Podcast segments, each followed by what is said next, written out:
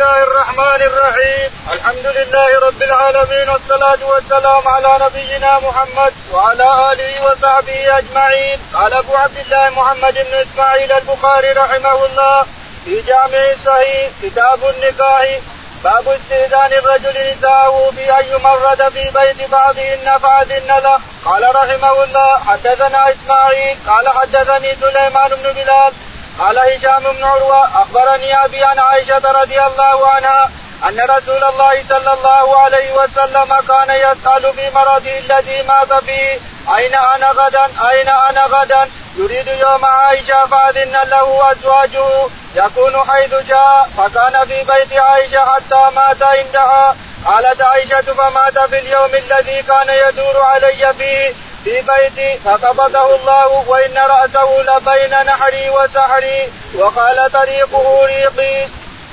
يقول البخاري رحمه الله بسم الله الرحمن الرحيم الحمد لله رب العالمين صلى الله على نبينا محمد وعلى آله وصحبه أجمعين.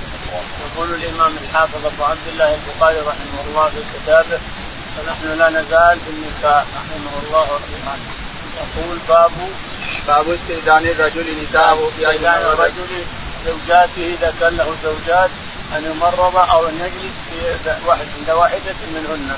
معنى هذا أنه لا يحل له أن يجلس عند واحدة منهن إلا باذن الثاني.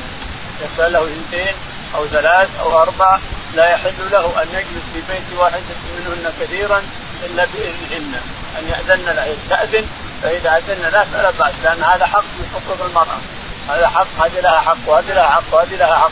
تستأذنها تتنازل عن حقها وتجلس في البيت في بيت من تجا منهن. إذا أذنت خلاص.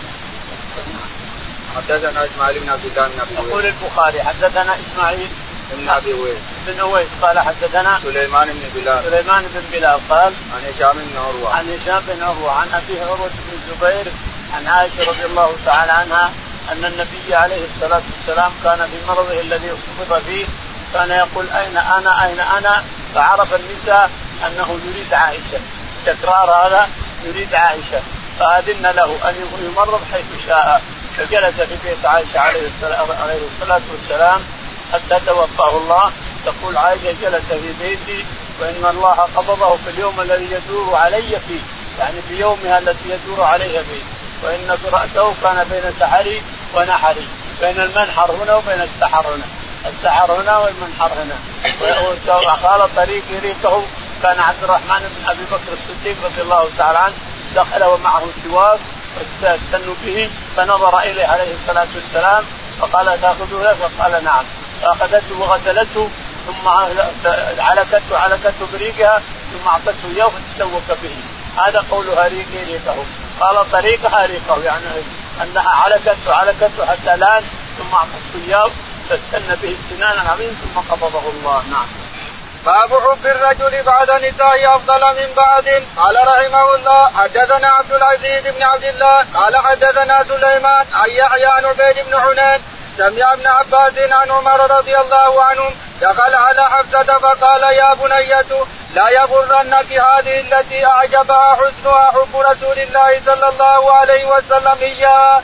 يريد عائشة فبصصت على رسول الله صلى الله عليه وسلم فتبسم. يقول البخاري رحمه الله باب حب الرجل بعض نسائه أكثر بعض لا هذا شيء من الله طبيعة من رب العالمين تعالى وتقدس وإن واحد يحب واحدة منهن أحب من الباقيات هذا شيء من الله تعالى وتقدس يقول حدثنا عبد العزيز بن عبد الله. حدثنا عبد العزيز بن عبد الله قال حدثنا سليمان. سليمان. قال حدثنا عن يحيى. عن يحيى قال حدثنا عن عبيد بن حنين. عبيد بن حنين قال عن ابن عباس.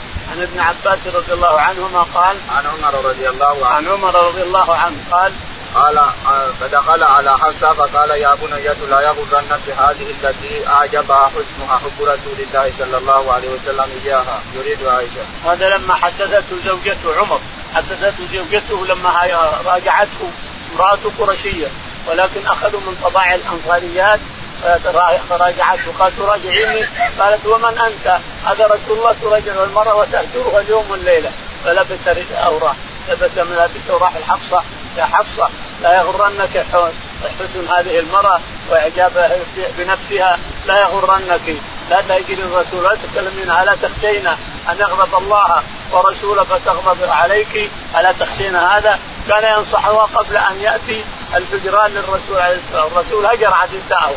بعد كلام عمر لبنته هجر نساءه كما تقدم في الليلة الماضية 29 شهر 29 فجاء إليها وهي تبكي. قال ما نصحتك؟ أما قلت لك لا اجرنك وقالها عمر رضي الله عنه. قال نصيحته لابنته. قال هذا إلى الرسول عليه الصلاة والسلام لما رفع طلع في المشربة وهجر نساءه وجلس وحده واستأذن عليه. فأذن له الرسول فقال يا رسول الله رأيتني أقول لحفصة لا تغرنك جمال هذه المرأة التي يحبها الرسول واعجبها حسنها وجمال لا يغرنك هذا. فتبسم الرسول عليه الصلاة والسلام. نعم. يعني معنى أن الرجل معذور في حب واحدة دون واحدة. معذور. الحب بيد الله تعالى وتقدس هو الذي ينزله على قلب الإنسان. يحب هذه أحب من هذه يحب هذه أحب من هذه جائز هذا كله. نعم.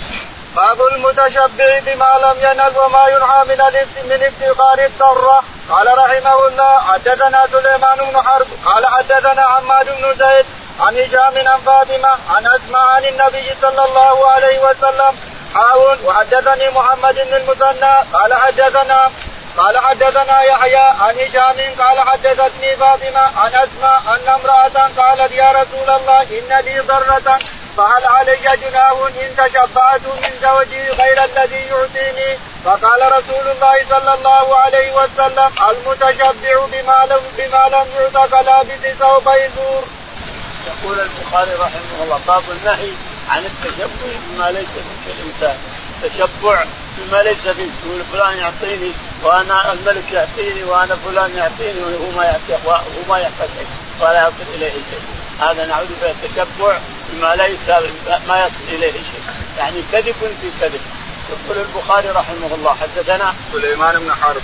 سليمان بن حرب. قال حدثنا حماد بن زيد. حماد بن زيد. قال حدثنا عن هشام بن عروة. عن هشام بن عروة. عن أبيه عن عائشة. عن فاطمة. عن فاطمة زوجته. قال عن أسماء عن النبي صلى الله عليه وسلم. فاطمة أمها أسماء. الزبير بن العوام. قال إن اسماء ثم حول السند. ثم حول السند فقال حدثنا محمد بن المثنى. حدثنا محمد بن المثنى. قال حدثنا يحيى بن سعيد القطان. يحيى بن سعيد القطان. قال حدثنا عن هشام بن عروة. عن هشام بن عروة عن أبيه. عن عن, زوجته فاطمة عن زوجة فاطمة بنت الزبير. قال عن أسماء بنت أبي بكر. عن أسماء بنت أبي بكر جدتهما جدة الاثنين جدة هشام وجدة فاطمه وجدة فاطمه زوجته وهي جدتهما هذه بنت المنذر وهذه بنت هشام بن عروه فعروه والمنذر اخوان أولاد الزبير بن عوام ولاسماء بنت الصديق قال قالت يا رسول ان ان امراه قالت يا رسول الله ان لي ضره فهل علي جناه ان ان ان تشبعت من زوجي غير الذي يعطيني فقال رسول الله صلى الله عليه وسلم المتشبع بما لم يعطى كلابس كلابس ثوب يقول إن أسماء بنت أبي بكر الصديق رضي الله تعالى عنها اتت ان أتت امرأة إلى النبي عليه الصلاة والسلام وقالت يا رسول الله ان إني أريد أن اتشبع على زوجي على زوجتي ضرتي بما ليس ما يعطيني من زوجي. شبع من زوجي بما ليس ما يعطيني لكني أبغيضها. ابغيض ضرته ابغيض امرأته. امرأته ضرة ابغيضها وله ما يعطيني لكن أنا بقول أعطاني ثوب وأعطاني حري وأعطاني دراهم وأعطاني هو وأنا ما أعطاني شيء. قال عليه الصلاة والسلام المتشبع بما لم يعطى كلابه. ثوب يزور. يعني يحط ردنين. ردن هنا وردن هنا. كان عليه ثوبين وما عليه شيء. هذا طرف ردن وطرف ردن ما عليه ثوبين عليه ثوب واحد. لكن طلع الردنين ردن هنا وردن هنا. هذا متشبع بما لا يسوي نعوذ بالله. كلابس ثوبي زور يعني يوري الناس أن علي ثوب هو كذاب. ما عليه إلا ثوب واحد. بس مطلع الرجلين يفتخر على الناس ويزيف ويزيف الأشياء على الناس. من تشبع بما ليس فيه فلا بيت فلا بيت ثوب يزور. يعني المرأة ما يجوز تقول للمرأة الثانية أعطاني زوجي ثوب ثياب أعطاني زوجي حلي أعطاني زوجي هو كذاب تكذب بس تشبع على تغيب الضرة هذا لا يجوز كلابس ثوبي زور اللي يدور على الثياب يلبسها يوري الناس إنه لابس ثياب كثيره وهو ما عليه إلا ثوب واحد. هذا نعوذ بالله عليه اسم كبير وكبيرة من كبائر الذنوب. نعم. باب الغيرة وقال وراد المغيرة قال سعد بن عبادة لو رأيت رجلا مع امرأتي لضربته بالسيف غير مصفح. فقال النبي صلى الله عليه وسلم تعجبون من غيرة سعد؟ لأنا أغير منه والله أغير مني. قال رحمه الله حدثنا عمر بن حفص قال حدثنا أبي قال حدثنا الأعمش عن شقيق عن عبد الله بن مسعود عن النبي صلى الله عليه وسلم قال ما من أحد أغير من الله من أجل ذلك حرم الفواحش وما أحد أحب إليه المدح من الله. البخاري رحمه الله باب باب الغيرة. باب الغيرة. حدثنا وقال وراد من المغيرة. قال وراد هو كاتب المغيرة. وراد هو كاتب المغيرة بن شعبة. عن عن سيده المغيرة بن شعبة قال قال سعد بن عبادة لو رأيت رجلا مع امرأتي لضربته بالسيف غير مصفى قال المغيرة بن شعبة يروي يقول قال سعد بن عبادة رضي الله عنه النبي عليه الصلاة والسلام لو رأيت مع امرأتي رجلا لصفحته بالسيف غير مصفى لضربته بالسيف غير مصفى يعني اضربه هو المرأة يقتل المرأة يقتل الرجل سوا السيف إذا ضرب الرجل الفوقاني يضرب التحتاني أيضا فيقتلهما سواء فضحك عليه الصلاة والسلام وقال تعجبون من غير سعد ولا أنا أغير منه والله أغير مني. وليس أحد أغير من الله تعالى. فاسم ذلك أن ترتكب فواحشه. وليس أحد أحب له المدح من الله تعالى وتقدس تعالى وتقدس. سبحانه الملك القدوس تعالى وتقدس نعم. حدثنا عمر بن حفص يقول البخاري حدثنا عمر بن حفص بن غياث قال حدثنا أبي. أبي. قال حدثنا عن الأعمش. عن الأعمش. قال حدثنا عن شقيق. عن شقيق. قال عن عبد الله بن مسعود. عن عبد الله بن مسعود. قال قال ما من أحد أغير من الله من أجل ذلك حرم الفواحش وما أحد أحب إليه المدح من الله. يقول ما من أحد أغير من الله من أجل ذلك حرم الفواحش ما ظهر منها بطن وليس أحد أحب إليه المدح من الله. من أجل ذلك انزل تعالى في كتاب كثرة المدح. المدح. الجبار المتكبر. سبحانه وبحمده. صاحب المجد والكرم والجود. نعم. قال رحمه الله حدثنا عبد الله بن مسلمة عن مالك عن هشام عن ابي عن عائشة رضي الله عنها أن رسول الله صلى الله عليه وسلم قال يا أمة محمد ما أحد أغير من الله أن يرى عبده أو أمته يزني. يا أمة محمد لو تعلمون ما أعلم لضحكتم قليلا ولبكيتم كثيرا. يقول البخاري رحمه الله حدثنا عبد الله بن مسلمة. عبد الله بن مسلمة القعنبي قال حدثنا مالك بن أنس. مالك بن أنس الإمام. قال حدثنا عن هشام بن عروة. عن هشام بن عروة عن أبيه عروة قال عن عائشة. عن عائشة رضي الله تعالى عنها أن النبي عليه الصلاة والسلام قال قال يا أمة محمد ما أحد أغير من الله أن يرى عبده أو أمته أن يزني يقول يا أمة محمد ما أغير من الله تعالى وتقدس أن يرى أحدكم أحده يزني أن يرى أحدكم يزني أو يرى عبده أو يرى عبده يزني أو أمته. أو أمته تزني. أن يرى الرجل يزني أو المرأة تزني. هذا غير يغار الله تعالى وتقدس على الاثنين وينتقم منهم نعم. لو تعلمون ما علم لضحكتم قليلا ولبكيتم كثيرا. ثم قال عليه الصلاة والسلام لو تعلمون ما أعلم من الويلات التي تأتي يوم القيامة لو تعلمون ما أعلم لضحكتم قليلا ولبكيتم كثيرا ولا تلذذتم بالنساء على الفرج. هذا بعض بعد الأحاديث ستاتي ولا تلذذتم بالنساء على الفرج. لو تعلمون ما أعلم من الويلات من الويلات التي تصيب الإنسان يوم القيامة والتي تعرض لكم يوم القيامة.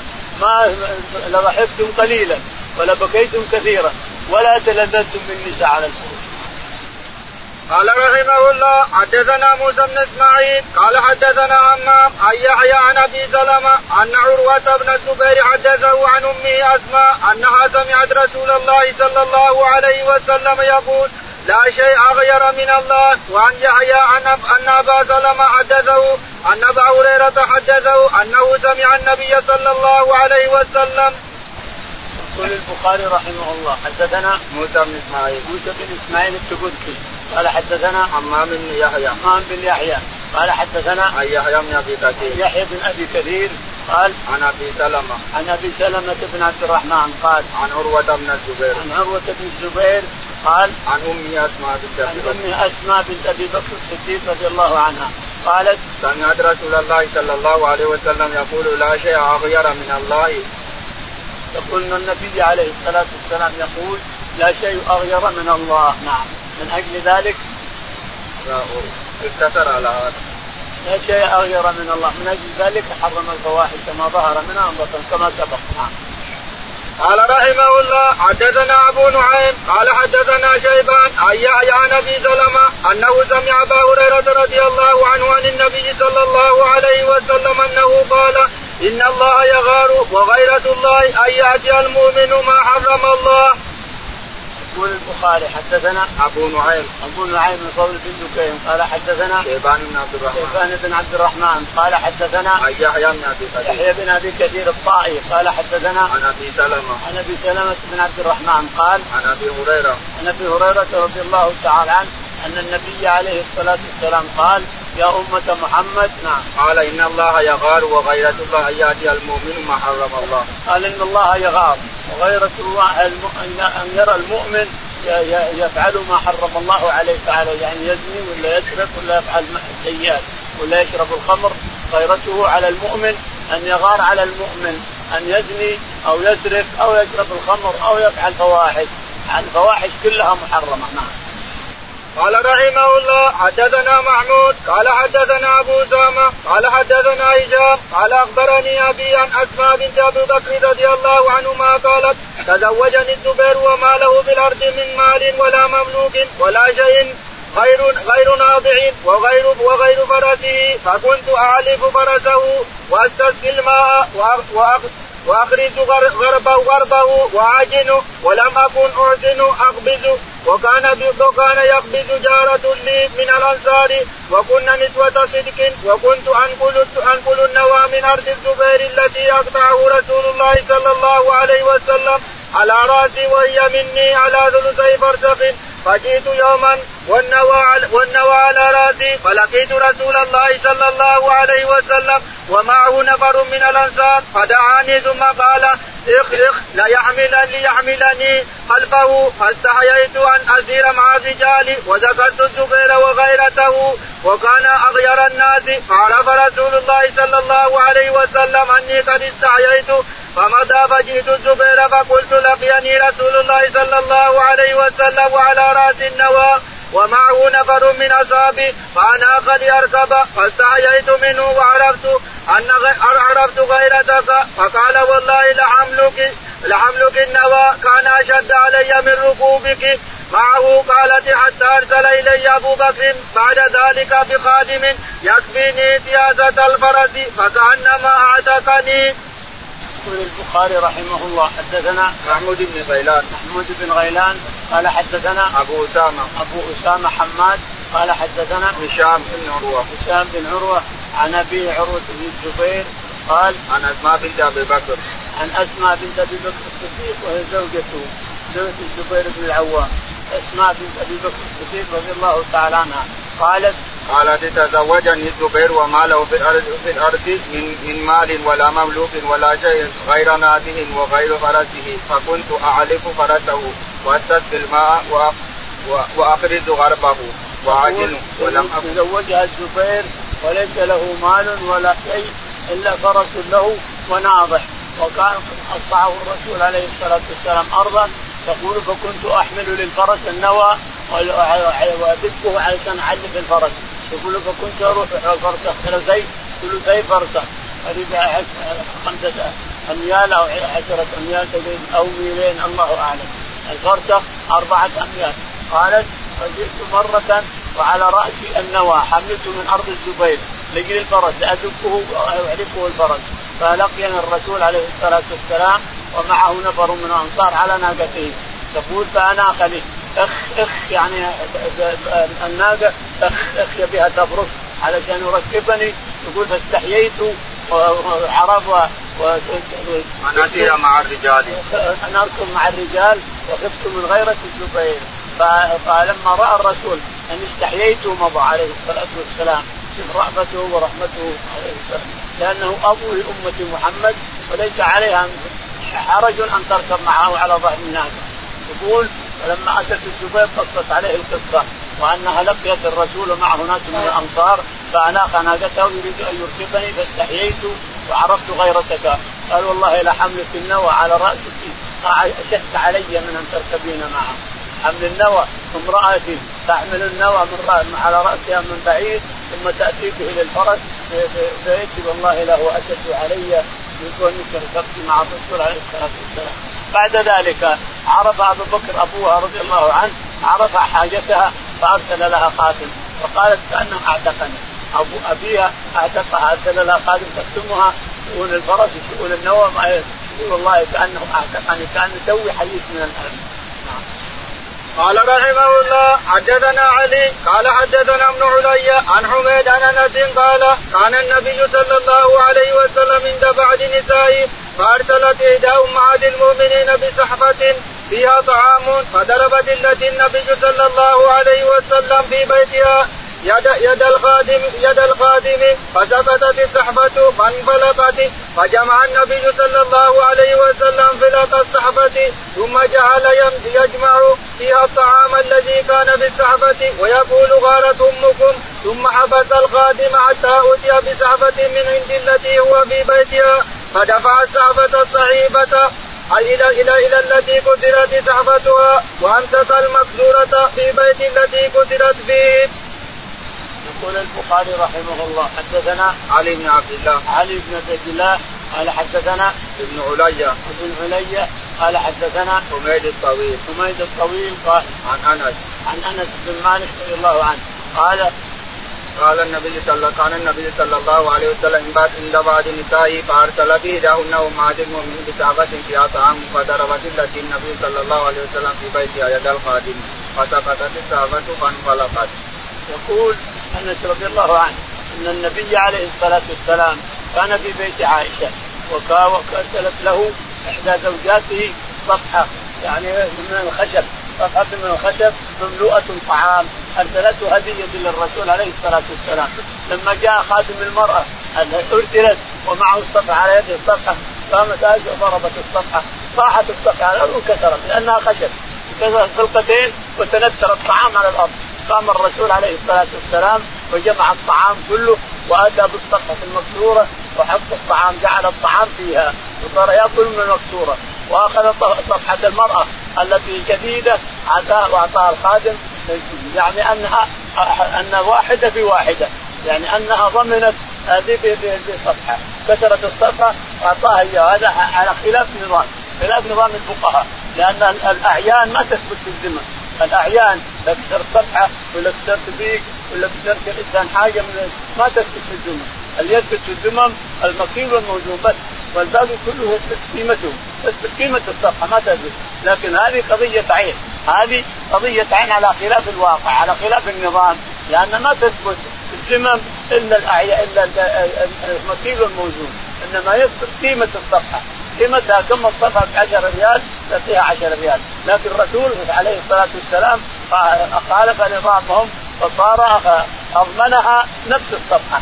وهذا قضية عين يعني أنها تجرى مجرى ما أفعل ما عملها الرسول عليه الصلاة والسلام.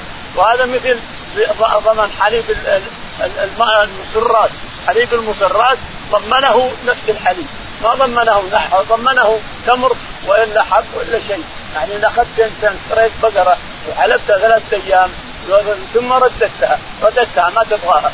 انت شريتها لكن ما صلحت لك. ورددتها. تردها وصاعا من تمر ثمن الحليب اللي مع إنه ما هو قيمته. لأن الحليب ما يضمن. إنما تضمن المكيل والمنزول وأما الأعيان ما تضمن بالذمم لكن هذه قضية عين وهذه قضية عين أيضا. يمشي عليها الناس إلى اليوم. أن من ظن من اتلف شيء المال له قيمة صفحة ولا حاجة من الصفحات أنها تضمن الصفحة نفسها. إذا اتلفت قدر ولا اتلفت صفحه ولا اتلفت إناء بماء ولا إناء بحليب ولا طعام تضمنه بنفسه بقصة الرسول عليه الصلاة والسلام هذه. كذلك المصرات تضمن تمر.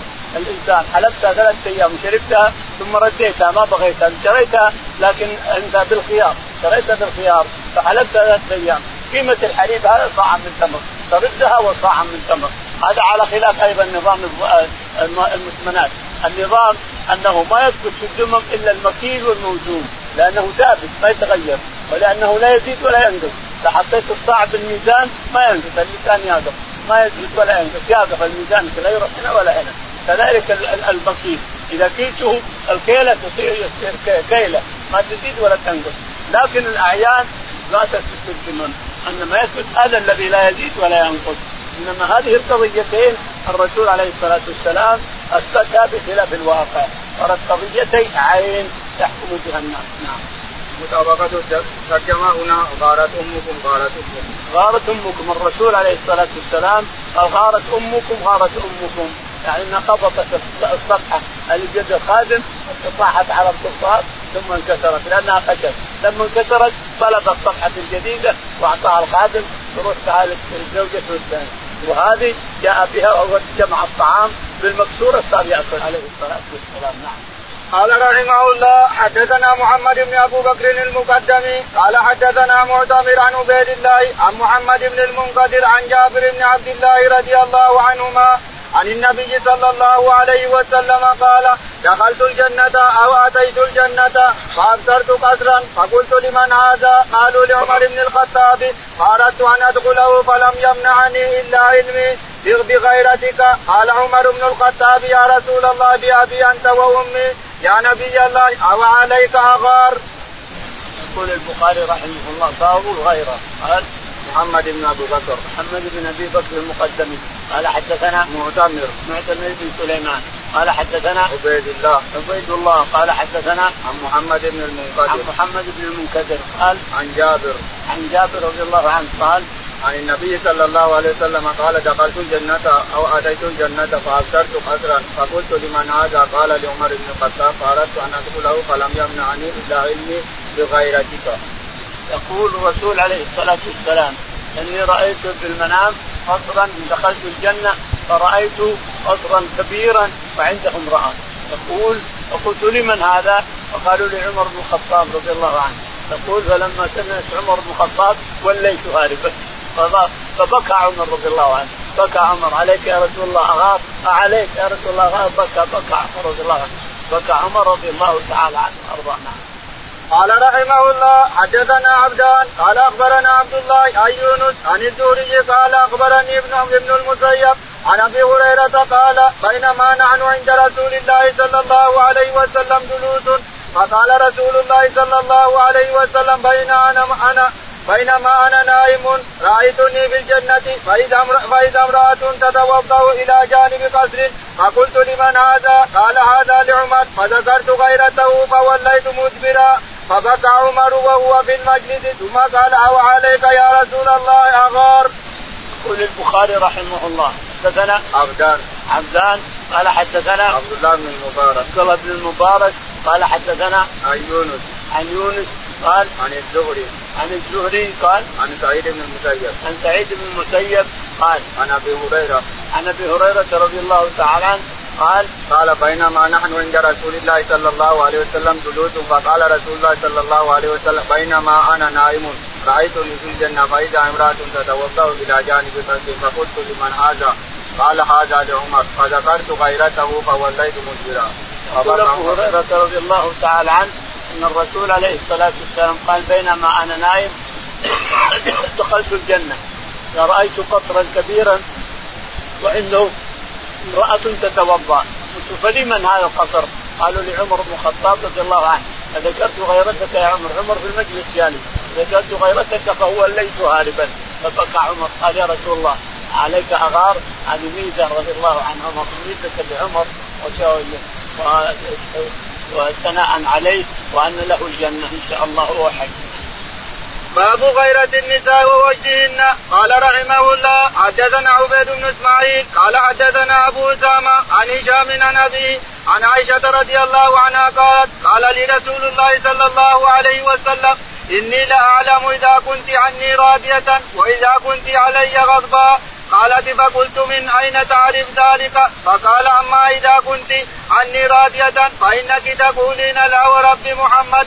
وإذا كنت غضبا قلت قلت لا وربي إبراهيم. قالت قلت أجل. والله يا رسول الله ما اهجر إلا اسم إلا اسمك. يقول البخاري رحمه الله حدثنا باب غيرة النساء والدين باب غيرة النساء على رجالهن ووجهن عليهن. يقول حدثنا عبيد بن إسماعيل. عبيد بن إسماعيل. قال حدثنا أبو أسامة. أبو أسامة. قال حدثنا هشام بن عروة. هشام بن عروة. قال حدثنا عن أبي عروة. عن أبي عروة. عبيد بن إسماعيل هذه مضى يا إخواني. هو شيخ البخاري مكثر عن البخاري. من الدرجة الحادية عشر. عبيد بن إسماعيل القرشي. من الحادية عشر. يكثر عنه البخاري كثير رضي الله عنه وأرضاه. أكثر عنه. قال حدثنا عن أبيه عن ابي عروة عن ابي عروة بن الزبير قال عن عائشة رضي الله عن عائشة رضي الله تعالى عنها قال قالت قال قال قالت قال لرسول الله صلى الله عليه وسلم إني لأعلم إذا كنت عني راضية وإذا كنت كنت علي غضبا. تقول عائشة إن الرسول عليه الصلاة والسلام كان يداعبها ويضاحكها ويلاعبها وقال لها في بعض الأحيان يا عائشة أنا أعلم إذا كنت راضية عني وإذا كنت غضبا كنت غضبا وان كنت راضية أعلم هذا قالت كيف يا رسول الله كيف تعلم هذا؟ ما إني غضبانه ولا راضيه كيف تعلم؟ قال لعب لعب رضي الله عليه الصلاة والسلام ورضي الله عنها. قال رحمه الله حدثنا أحمد بن أبي رجاء قال حدثنا النضر بن جميل عن هشام قال أخبرني أبي عن عائشة أنها قالت ما غرت على امرأة على امرأة لرسول الله صلى الله عليه وسلم ما غرت على خديجة بكثرة ذكر رسول الله صلى الله عليه وسلم إياها وثنائه عليها وقد اوحي إلى رسول الله صلى الله عليه وسلم أن يبشرها ببيت لها في الجنة من قصب. يقول البخاري رحمه الله باب تابع للباب. تابع. قال حدثنا أحمد بن أبي رجاء. أحمد بن أبي رجاء. قال حدثنا النضر بن شميل. النضر بن شميل قال عن هشام بن عروة. عن هشام بن عروة قال حدثنا عن أبيه عروة. عن أبيه عروة قال عن عائشة. عن عائشة رضي الله تعالى عنها قالت أنها قالت ما غرت على امرأة لرسول الله صلى الله عليه وسلم ما غرت على خديجة. تقول ما غرت يعني ما في غير ما غار على النساء كلها لأنه يحبني أكثر من غيرهن إلا خديجة. ما غرت على على امرأة مثل غيرتي على خديجة لأنه خديجة رضي الله عنها وأرضاها بشرت ببيت من قصب لا قصب فيه ولا نصب من ذهب احمر وهي حية. سلم عليها جبريل وحية وهي تمشي. وبشرها بالجنة وبشرها ببيت من قصب من قصب عن لبس من زيت ذهب ولبس من فضة وهي حية. خديجة لها فضل كبير رضي الله عنه وأرضاها. الذي حضنت الرسول عليه الصلاة والسلام. يقول ما غبت على امرأة مثل ما غبت على خديجة من كثرة ما يذكرها. مرة من المرات قالت وما تريد من عجوز أرمت راحة رزقك الله قال لا والله ما رزقني الله من مثلها خديجة رزقني الله الأولاد منها. وهي أول زوجة زوجتها وبشرت بالجنة وهي عندي إلى آخره. فليس أفضل من خديجة ليس هناك امرأة أتيت إليها أو تزوجت أفضل من خديجة. يقول صرت لا عاد أذكرها مرة واحدة لأنه زعل غضب عليها غضب شديد. قال ما هو ما ما أوتيت غيرها. يعني ما حسيت بالزوج ولا أوتيت أفضل منها. امرأة رزقني الله الأولاد أربعة أولاد عليها رضي الله عنها وأرضاها. أربعة. القاسم والطاهر والطيب ثلاثة وأربع نساء أربع بنات. زينب ومن تحتها إلى فاطمة رضي الله عنهم أجمعين. الشهادة ما رزقت أولاد إلا منها وهي أول امرأة تزوجتها. وقد وبشرها ربها بقصر في الجنة من ذهب لا قصب فيه ولا نصب. ولا ولا بد غيره ولا بد بأفضل منه. يقول كنت أغار عليها لأتكلم لكن الآن تكلم نعم. باب رب الرجل عن ابنته في الغيرة والإنصاف. قال رحمه الله حدثنا قتيبة بن سعيد. قال حدثنا الليث عن ابن أبي مليكة عن المسور بن مخرمة. قال سمعت رسول الله صلى الله عليه وسلم يقول وهو على المنبر إن إن إن بني هشام المغيرة استأذنوا في أن ينكحوا ابنتهم علي بن أبي طالب. فلا آذن ثم لا آذن ثم لا آذن إلا أن يريد ابن أبي طالب أن يطلق ابنتي ابنتي وينكح وينكح ابنته فإنما هي بضعة مني يريبني ما ما أرابها ويؤذيني ما آذاها. يقول البخاري رحمه الله حدثنا باب ذب الرجل عن ابنته باب ذب الرجل عن امرأته وغيرته على بنته على ابنته على ابنته وغيرته على ابنته أن يتزوج الرجل عليها إذا غضبت وإذا آذاها. يقول رحمه الله حدثنا قتيبة قتيبة بن سعيد. قال حدثنا الليث بن سعد. الليث بن سعد. قال حدثنا ابن أبي مليكة. ابن أبي مليكة. قال عن المسور بن مخرمة عن المسور بن مخرمة أن النبي عليه الصلاة والسلام لما بلغه أن علي بن أبي طالب خلط خطب بنت عمرو بن هشام بن المغيرة اللي هو أبو جهل. خطب بنته معطوف اياها يتزوجها يعني. علم الرسول بذلك وجاءت فاطمة وأخبرته. قالت الناس يقولون إنك ما تغار على بناتك. قال وما هذا؟ قالت إن علي تزوج بنت أبي جهل. فطلع المنبر وخطب الناس وقال أنه بلغني أن علي قد خطب بنت عمرو بن هشام ابن المغيرة القرشي يعني أبو جهل. هذا اسمه هو أبو جهل. يقول فإن كان عليا يريد أن يتزوجها فليطلق فاطمة فإنه يريبني مرابها يريبني ويؤذيني ما آذى فاطمة رضي الله عنها. إن كان له رغبة في تزويجها يطلق فاطمة فرفض فعدل علي رضي الله عنه لما سمع الناس خطبة الرسول عدل علي عن زواج بنت أبي جهل وتركها.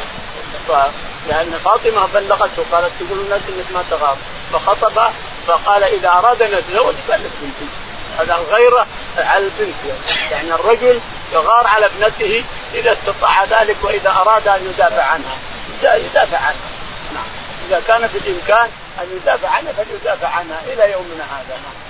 باب يقل الرجال ويكثر النساء وقال أبو موسى عن النبي صلى الله عليه وسلم وترى الرجل الواحد يتبعه أربعون امرأة يلذن به من قلة الرجال وكثرة النساء. قال رحمه الله حدثنا حفص بن عمر الحوضي قال حدثنا هشام عن قتادة عن أنس رضي الله عنه قال لأحدثنكم حديثا سمعته من رسول الله صلى الله عليه وسلم لا يحدثكم به أحد غيري سمعت رسول الله صلى الله عليه وسلم يقول إن من أشراط الساعة أن يرفع العلم ويكثر الجهل ويكثر الزنا ويكثر الزنا ويكثر شرب الخمر ويقل الرجال ويكثر النساء حتى يكون لخمسين امرأة القيم الواحد.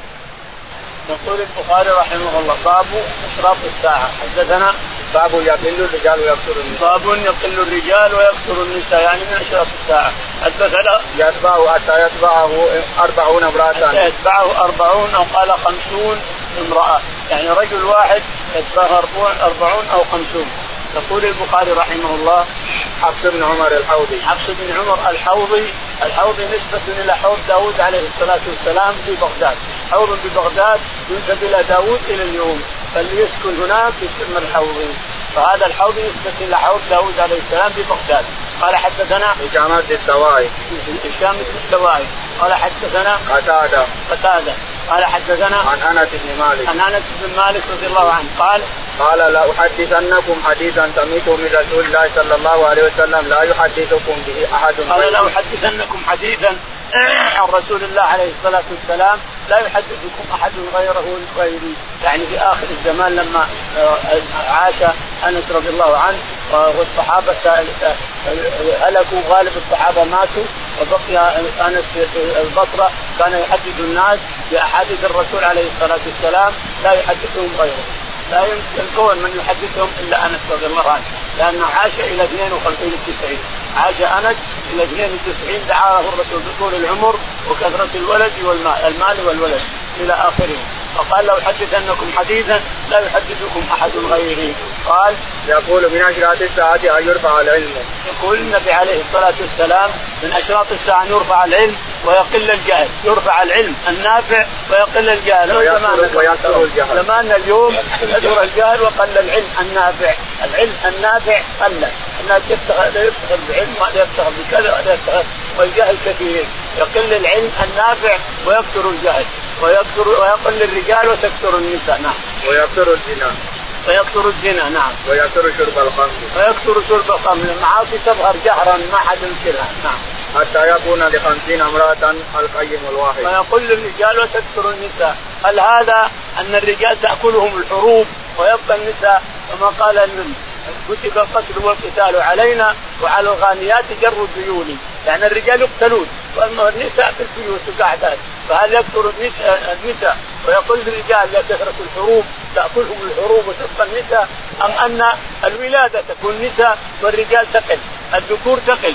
يعني السنة هذه مثلا يولد أكثر ما يولد فيها النساء. ولا يولد إلا وين ولد في بني فلان مولود ذكر. ولد في بني فلان ذكر. ولا فكلها نساء نساء نساء نساء حتى تكثر النساء ويكثر الرجال.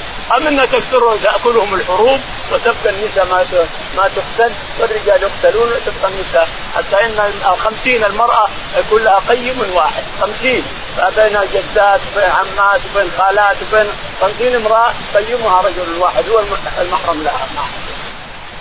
باب لا يخلون رجل بامرأة إلا ذو محرم والدخول على المغيبة. قال رحمه الله حدثنا قتيبة بن سعيد قال حدثنا الليث عن يزيد بن أبي حبيب عن أبي الخير عن عقبة بن عامر أن رسول الله صلى الله عليه وسلم قال إياكم والدخول على النساء فقال رجل من الأنصار يا رسول الله أفرأيت الحمو قال الحمو الموت يقول البخاري رحمه الله باب لا يدخل الرجل على المرأة وهي مغيبة عندها أحد. لا يخلون رجل بامرأة إلا الشيطان ثالثهما. الرجل إذا قلب المرأة الشيطان ثالث يضرب بيده على صدر الرجل يضرب بيده الثاني على صدر المرأة ثم يجمع بينهما. ضروري ولو كان ولو كان من اذكى الناس واعلم الناس. لا يستمع المراه الرجل بالمرأة. لا يخلون رجل بامراه إلا كان الشيطان ثالثهما. ولا ولا حدثنا قتيبة. حدثنا قتيبة. قال حدثنا الليث بن سعد. الليث بن سعد. قال حدثنا يزيد بن أبي حبيب. يزيد بن أبي حبيب. قال حدثنا عن أبي الخير. عن أبي الخير. قال عن عقبة بن عامر. عن عقبة بن عامر. قال إن رسول الله صلى الله عليه وسلم قال اياكم والدخول على النساء فقال رجل من الأنصار يا رسول الله أفرأيت الحمو قال الحمو الموت. يقول عقبة بن عامر من النبي عليه الصلاة والسلام قال لا يدخلن لا يخلون رجل بامرأة ولا يدخلن رجل على امرأة مغيبة قال يا رسول الله رأيت الحمو الحمو الاخوه اخو الزوج. يدخل على امرأته قال الحمو الموت الحمو الموت. أخوك إذا دخل على امرأتك جمع الشيطان بينهما. يعني ما هو طاهر. قال الحمو يا رسول الله الحمو يعني أخو الزوج. تدخل عليها تسميها الحمو هي المرأة تسميها الحمو لأنه أخو زوجها. قال الحمو الموت الهلاك هو الحمو الهلاك هو الأخو إذا دخل على زوجة مغيبة زوجها غايب هو الحمو هو الموت هو الهلاك. نعم. قال رحمه الله حدثنا علي بن عبد الله قال حدثنا سفيان قال حدثنا عمرو عن أبي معبد عن ابن عباس عن النبي صلى الله عليه وسلم قال لا يخلون رجل بامرأة إلا مع ذو محرم. فقال رجل فقال يا رسول الله امرأتي خرجت حاجة واكتتبت في غزوة كذا وكذا. قال ارجع فحج مع امرأتك. يقول البخاري رحمه الله حدثنا علي بن عبد الله. علي بن عبد الله المديني قال حدثنا سفيان بن عيينة. سفيان بن عيينة قال حدثنا عن عمرو بن دينار. عن عمرو بن دينار قال عن أبي معبد. عن أبي معبد قال عن ابن عباس. عن عباس رضي الله عنهما قال قال لا يخلون رجل بامرأة إلا مع ذو محرم. قال عليه الصلاة والسلام لا يخلون رجل بامرأة إلا مع ذي محرم. إلا عندها محرم. لا تخلو الإنسان الرجل لا يجوز أن يخلو بالمرأة إلا عندها محرم إلا الحرام من عليه أن يخلو بها تدخل عليها ما عند أحد. ولا فقال فقال رجل يا رسول الله إن امرأتي آه، ذهبت حاجة واذا جبت في غزوة كذا وكذا. فليها مع امراتك يعني يشرب تشرب من الغزو ويسلم مع امرأتك؟ حج مع امرأتك تكون لها محرما لأن ما يجوز مع الرجال. إلى آخره. والله أعلم. وصلى الله على محمد. اللهم اهدنا فيمن هديت. وعافنا فيمن عافيت. وتولنا فيمن توليت. اللهم توفنا مسلمين. والحسن الصالحين.